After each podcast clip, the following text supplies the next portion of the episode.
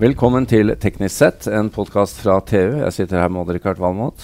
Hei, Jan. Hei, Odd-Rikard. Og mitt navn er Jan Moberg. Vi er fortsatt på tur, vi. Vi er det. Og vi har ennå ikke kommet oss ut av Luftfartsmuseet i. Bodø. Vi har vel nærmest flytta inn, tror jeg. Ja, vi, eh, vi eh, har jo nettopp da snakket om den sivile delen. Og nå, nå, er, nå kommer vi virkelig inn på et område hvor det er mye, Ja, mye ja, snadder. altså Alle som har vært i, eh, i Forsvaret, har jo, har jo stor glede av det her. Jeg var i Luftforsvaret. luftforsvaret. Riktignok med kanoner. Ja, du, Og jeg, jeg så jeg min gamle L60 her, og feeling, og det, ga, det varmefølelse. Jeg skal love deg. jeg håper ikke du skjøt ned noe. Vi skjøt på, på slepemål, da. Slepemål. Ja. Eh, vi har eh, også, som eh, forrige eh, sending herfra, med oss Per Erlien Dalløkken. Ja. Hei, Per. Hei, hei. Fra TU. Og ja, nærmest eh, vår luftfartsekspert. Ja, det er vel å ta i litt, men Nei, eh, det er ikke å ta i litt, nei. Det er for beskjeden, Men- Per. Eh, per og Odd Rikard, som, vi- som vi gjorde da vi oppsummerte den sivile delen eh, det, det, det å komme hit til Luftfartsmuseet Jeg hadde ikke vært her før. Dere har jo begge vært her. Men dette er jo virkelig verdt et besøk. Ja. Og Per, på den militære delen, hva, hvis du skal ha et par favoritter av det du så her i dag, hva, hva Det er, jo, det er jo mye å velge altså Det er jo, som du sier, det er jo et uh, imponerende museum. Eh, uh, altså Kanskje bedre enn man kan tro før den kommer hit, men jeg er jo veldig svak for kanskje et av de smekreste flyene fra andre verdenskrig, Focke-Wolf 190. Det, det, det, det står her, fint restaurert. Det er nok min sånn enkeltfavoritt. Ellers er det jo veldig mye å velge blant. da. Alt som Norge har fløyet fra gjennom alle tider. Opp til og med F5, som for øvrig var et meget smekkert fly. Ja, og, og veldig lite vingeareal, da. Ja, både på den og ikke minst Starfighteren, som, vi, ja. som vi sto og målte, målte her. Var vel, Nesten så du kunne ja, det var ikke så mye gripe om det. Yes. Odd Rikard? Nei, jeg tror vi er ganske enige, Per. Jeg Ja, tror det. altså Fock Wulfen er nok uh, min favoritt. Altså, og så er det også Spitfire og Mosquito. Jeg har alltid vært veldig svak på Mosquito. Da snakker du om Altså, tomotors uh, Tomotorsflyet med to kraftige Merlin-motorer bygd i eh, balsafiner. under metallkrise. Ja, ja, altså Det var helt fantastisk fly. altså Det var Ja, en veldig prestasjon å bygge sånn fly. Og det var jo så Det jo, hadde jo så mange roller under krigen. Da, Men også i etterkrigstida. sant? Det er, du stiller jo et umulig spørsmål, Jan. Ja, det Hva er min var- favoritt? Ja. det, den militære delen er min favoritt. La oss slå fast det. det. Ja, det er ja. da, da får vi ta inn en litt sånn overdommer, da, nemlig major Anders Utgaard. Velkommen. Takk. Du er sjef eh, for den eh, militære delen av Luftfartsmuseet. Ja, Er disse stemmer. gutta inne på noe? Er det, er det et favorittobjekt for deg også? Ja, de er i hvert fall inne på noe når det gjelder å ikke klare å velge favoritt. eh, men ja, det der er, begge de flyene, både Mosquitoen og Focke-Wulfen, er jo uh, stjerner på fly blant flyinteresserte. Det, bare for å ta det, da, siden, vi, siden denne Focke Wolfen har kommet opp. Det, Mm. det er et fly som altså bare fly som som er helt uinnvidd. et tysk eh, jagerfly eh, fra krigens dager. Og dette spesielle flyet har faktisk flydd i Norge. Ja, det har flydd i Norge. Det begynte um, sin operative karriere da, på Herdla utenfor Bergen, der Tyskland hadde en stor uh, flybase. Det hadde et uhell da i 1943 og ble reparert på Kjeller utenfor Oslo. Og så ble det sendt nordover til eh, Kirkenes og Banak, eh, hvor de slåss som jagerbombefly mot russiske framrykninger i Finnmark, eh, og også på Kolahalvøya, og etter hvert i selve Finnmark. da. Eh, før det til slutt ble truffet av luftvernild og ble skada, såpass skada at flyveren måtte hoppe ut i fallskjerm, og flyet på en måte eh, seilte eller dalte ned litt for seg sjøl. Og da er skutt ned av russisk, av eh, russisk luftvern. Ja. Det er et jagerbombefly, og jagerbomber er jo veldig utsatt for akkurat det. Men uh, Per, hva, hva, hvorfor er dette flyet så spesielt? Det var jo et, det var noe av det fremste av propellfly man laga under krigen. Ja. Så, samtidig så hadde jo tyskerne utvikla jetfly, som selvfølgelig var mer avansert. Messerschmitt 262 og sånn. Men av propellfly var vel det her det ypperste tyske flyet, tror jeg. Det var jo langt, langt overlegen Messerschmitt 109. Så det er nok derfor. Og det var, som du fortalte oss, så har de jo en ganske avansert eh, teknologi for å manøvrere. Og den syns jeg var veldig fascinerende. Enig. Ja. Det er, det er veldig avansert fly. Vi kan for, for, for, det første så er det altså ikke noe hydraulikk i flyet. Det er elektriske motorer. og det er altså Elektriske servoer på flaps og elektriske motorer. Så her er det fly by wire allerede ja, det var stort sett fly by wire på en veldig enkel måte. Og, og da slapp man jo unna denne all hydraulikkproblematikk mm. når man fløy. Uh, det hadde også et ganske avansert styringssystem for motoren. Det var innsprøytning, det var sneglehuskompressor, det var vanninnsprøytning i sylinderne. Og dette ble manøvrert da, av flyveren med ett eneste håndtak. Eh, det vanlige på den tida var jo å ha flere på en måte gasshåndtak. Man hadde ett for å stille propellbladers vinkel, og så ett for å justere hvor mye bensin, og ett for det ene og ett for det andre. Mens her var det ett håndtak som gikk i en slags mekanisk urverkscomputer som så sendte signaler til motoren. Uh, mekanisk blackbox. Mekanisk blackbox. Det, det, det, er imponerende, altså. Ja. Det, og det var på 40-tallet. Ja. Ett håndtak som flyveren holdt, og så var det fire eller fem sånne styrevaiere som kom ut av dette, og de ble justert mm. individuelt ut ifra uh, høyde og flyhøyde og trykk og temperatur og belastning og alt sånt. Kan du ta to ord om denne moskitoen som uh, Odd Rikard nevner også? Ja, moskitoen. Det var jo et, eh, et, fly som ble bygd ut ifra et behov om en jagerbomberflymaskin. Eh, eh, kanskje mest et slags bombefly fordi at de allierte eller engelskmenn hadde ikke noen overlegne jagerbombere. Så det de gjorde, var at de satte to Merlin-motorer, det samme som det står én av ved Spitfiren. De satte to sånne i et lett jagerbombefly bygd av som du sier, finer. Eh, hovedbjelken i vingene tre. Eh, for da sparte man aluminium og sparte vekt og så på en måte så ga man gass, og så, og så brukte man det som jagerbombefly. Og eh, de var tungt bevæpna. De hadde fire mange forskjellige bevæpninger, men de hadde altså, den vi har, den hadde fire 20 mm maskinkanoner og fire 303 maskingevær i nesten. I tillegg da, til bomber og raketter. Det er en ganske solid skur i det. Ja, det er voldsomt. Og det var masse motor. Det var såpass med motor at de kunne ta av, og med hjulene ute kutte én motor, og likevel ta videre av og gjøre en langsom roll på vei ut fra flyplassen med én motor. Oi. Så det var krefter i masse, massevis. Hvor er dette spesielle flyet hvor kommer det fra? det dere har her? Det, det eksemplaret vi har, er ikke et eks-norsk eksemplar, det er et eks-engelsk eksemplar ja. eh, som har flydd litt som skolefly og litt sånn forskjellig etter krigen. Eh, så det eneste vi har gjort, er at vi har malt det om for å representere norske farger. Hvor ble det av de norske flyene? De kom hjem til Norge, mange av dem, eh, og ble vel stort sett flydd til de var utflydd på tid eh, og var utslitt. Så ble de skrota. Vi tok vare på noen fly som sto i en hangar på Kjevik. Eh, men den ble dessverre ødelagt når, eh, når taket raste sammen pga. en snøvinter på 50-tallet. Så da mista vi det. Og vi mista også en Northrop sjøfly fra Island og en Spitfire og noe styr. Mustangen var utsatt for uh, maurangrep, tenker jeg. ja, ja, ja. Men uh, Anders, vi må spørre deg. Og hva, dette, er jo, det, dette er jo familien din, disse flyene. Uh, ja, ja. Men, men, har du en favoritt blant uh, de dere har her? Uh, det er litt vanskelig, men jeg syns jo at den amerikanske spionflyet U2 fra Lockheed er et veldig veldig spennende fly. det har jo historie med Bodø òg, akkurat. Det har det.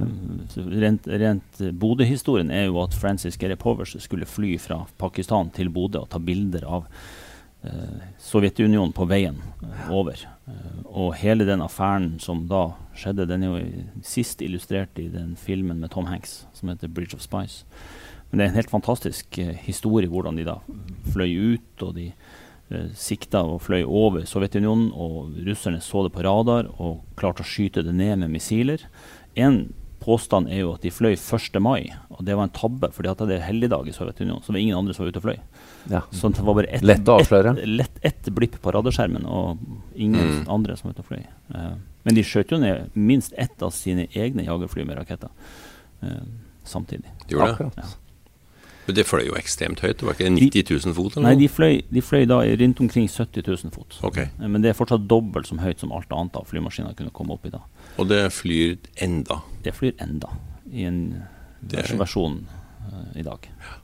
Men uh, det er jo spesielt med dette uh, Uto-flyet, er jo at det er fælt få som har det på utstilling utenfor USA. Ja. Det finnes én uh, i London, og så finnes det en her. Og så finnes det rester av den som er nedskutt. Fortsatt i Fortsatt Moskva? i Moskva. Ellers er det i USA de finnes. da. Uh, vi, vi gikk en runde her, og jeg vet at uh, Odd Rikard og Per har også noen spørsmål til deg. Men jeg, jeg, må, jo, jeg må jo spørre deg om hvor, hvor dere fikk tak i en, uh, eh, den tyske V1-rakettbomben fra. Det henger jo også i taket. Ja, det gjør den. En V1 det er jo som du sier en, en eh, bombe, eller et verdens første cruisemissil. Ja. Med en veldig tidlig variant. London eh, Ja. likte de jo ikke de. Ikke veldig mye, nei.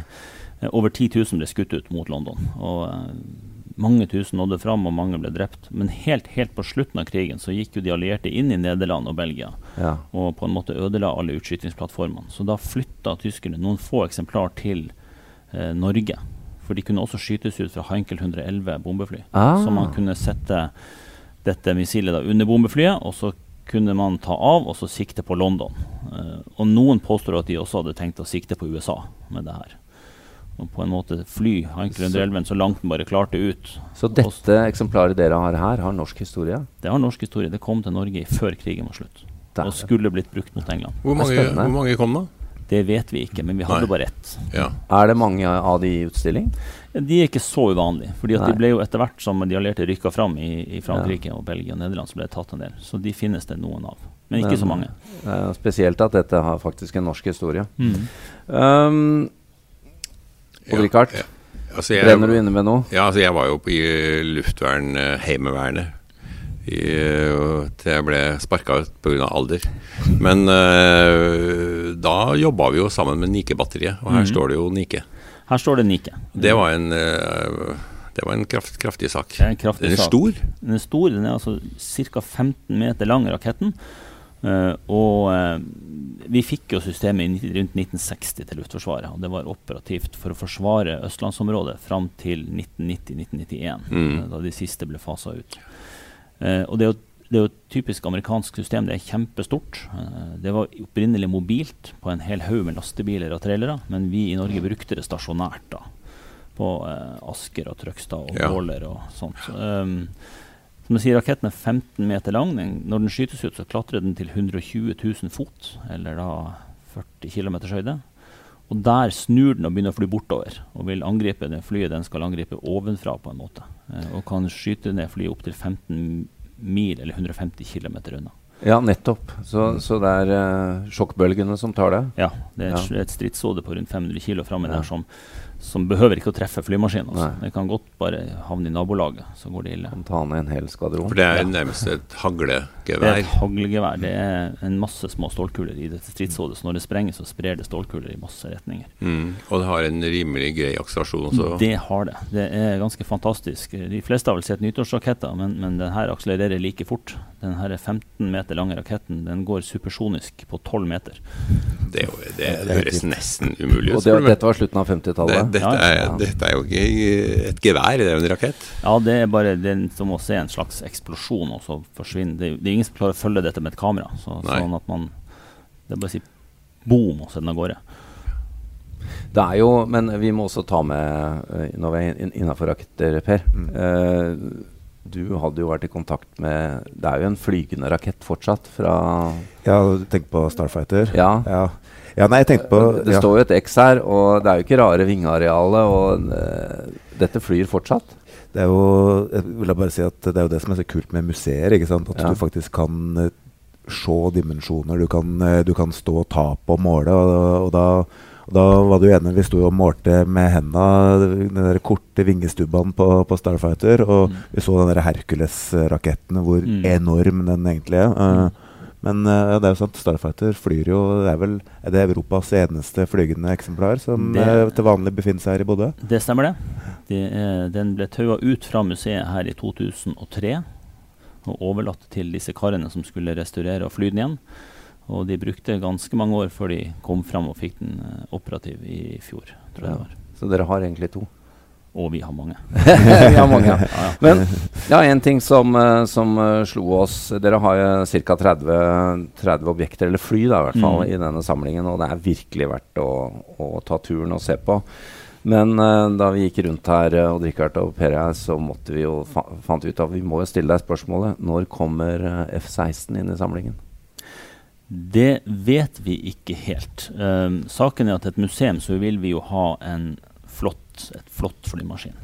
Så, så Lynxen, som er det nyeste tilskuddet til samling, det var den siste som fløy. Den Ja. aller, aller siste som fløy. Akkurat, og så dere har setter ut et serienummer dere på hvem dere vil ha F-16? Det har vi gjort. Vi, har, vi, vi samarbeider veldig veldig godt med Luftforsvaret, og vi har sett oss ut uh, noen få serienummer, og alle var i, opp- med i operasjonen i Libya i 2011. Ah, Ja, ja. Nettopp. Så vi vi ønsker å få en, en som har en proveniens derifra, altså en historikk derifra. Ja. For da kan vi fortelle eh, historien om den operasjonen, samtidig som vi forteller historien om F-16. Mm. Uh, rett og slett. Og da snakker vi 2025 eller noe sånt? Nei, vi snakker nok mye før det. Vi snakker nok um, kanskje til neste år. Og såpass Ja, eh, for disse flyene de flyr jo ut ifra et timetall mellom service. Ja. Og når de nærmer seg hovedservice, så er den så dyr at man parkerer flyet på bakken da. Ja. Og så blir det ikke kjørt service på det. Og det har man allerede gjort. Man, allerede har man parkert noen skrog som bare står. Ok. Eh, problemet blir at de blir jo fort en slags delefly Ja. for Luftforsvaret. Plukket løs, ja. Så de plukkes, plukkes Ja, ja. deler sånn, sånn at man får det vi kaller for ei hangardronning. Eh, sånn litt sånn halvveis flymaskin. Og det vil vi ikke ha. Vi vil gjerne at den flyr hit. Og det er jo planen som både vi og Luftforsvaret jobber med, at den flyr til Bodø. Flyr over taket her. Får noen fine bilder. Lander her, og Ja. taxer bare på taxiveien utenfor museet. Så kommer hit og slår av motoren her. Så får vi hjelmen til flyveren og nøkkelen. Og så. Ja. Det er stilig. Ja, det Og så gjør det innen, skal vi se, innen januar 2020 så blir det til 40-årsjubileet til første F-16 landa på Rygge. da. ja, Da tror det. jeg Per har lyst til å være her. Når, Ja da, det det- fare det- for det blir en stor. Men jeg må, jeg må bare si at det var det vi gjorde med Lyngsen. Da fløy den sin aller siste tur, landa utafor her, og det var kaker, og det var kaffe, og det var korsang, og det var TV, og det var Det er sånn vi ønsker å få flyene inn, at de er ba- helt ekte. Bare for de som ikke skjønner språket. Da snakker vi om et helikopter, Per. Oh, Ja, yes. men er det den Lyngsen som har fløyet som har flest flytimer Ja. i hele verden? Ja. Mm. Mm. Det Som var på kystvaktsfartøyene. Ja. Yes. Du, Norge hadde jo veldig mange Spitfire. Ja. Uh, hvor ble det av de? Ble de skrota, eller? Ja, de ble i stor, stor grad skrota. Det er jo en uh, tragedie. Det hadde jo vært verdt en uh, halv oljefond i dag Ja, hvis ja, de de hadde de kunne ha holdt intakt. en, en flyvende Spitfire går jo fra 20 millioner oppover. Det gjør det, ja. Ja, i I, trans, altså i kjøpssalgssalg. Ja, i dag. Akkurat. Um, vi må jo også nevne da at dere har noe veldig spennende stående på verkstedet ved siden av her. det har vi. Vi har det siste tilskuddet til andre verdenskrigshistorien som skal fortelles. Og det er en Messerschmitt BF 109 som havarerte i Trøndelag, i havet, i, eh, på 40-tallet og ble heva i 2013 og er under restaurering. Og om et år eller to kanskje, så skal den inn i utstillinga og stå ved siden av Spitfire. Den, den må vi nesten få lov til å komme bortom og se på. Ja, det skal vi gjøre. Det gjør vi. Topp. Det gleder jeg meg til, Jan. Uh, ja, jeg ser at du klarer knapt uh, sitte stille her. Så som uh, vi går inn for landing her nå, men vi må jo stille spørsmålet til deg, uh, Anders Utgaard. Um, eh, litt urettferdig kanskje, men, men hva, er det du, hva er det dere ikke har her, som du burde hatt? Eller dere burde hatt? Det vi ikke har, eh, eller har veldig lite av, det er norske fly fra Marinens flyvåpen eh, før krigen. Akkurat. Der er det Ja, for det er mye bildemateriale, og Ja. det er mye historie Yes. som dere forteller på veggene. Men Marinens flyvesen hadde jo fabrikk i Horten på Karlsvern og Mm. bygde sine egne fly. Og Ja. annet et flymodell som er kalt for MF11 deltok i kampen i Norge og fløy på 30-tallet i Norge. Og der finnes det ikke noe igjen. Eh, Så det er litt sånn svakt punkt i samlingen. Hvis man skal se samlingen som en helhet, når man er samler, så vil man gjerne ha representative ting fra epokene Ja. å kunne vise fram. Og det, der er det nok et hull. Så hvis det er noen av lytterne som har noe sånt på loftet eller i kjelleren, så, så må de ringe major Ja. Anders Utgaard. Ja. Ja. Vi får jo eh, bare avslutningsvis også, eh, også nevne at det ansvaret som dere har eh, over den militære samlingen, også omfatter det som står på Gardermoen. Ja. Um, Gardermoen er vel offisielt um, lageret til Luftforsvarsmuseet i Bodø, men det er åpent også der. Man kan komme inn i helgen og se på fly der. Og Der har vi rundt 40 flymaskiner. Bl.a. Norges første fly, Start. Akkurat. Så det er også verdt å ta turen. Ja, ja. Takk skal du ha. Takk for at vi fikk komme og få eh, delta i dette. Det er mye Ja. spennende objekter. Takk for å få slippe til. Takk. Ja.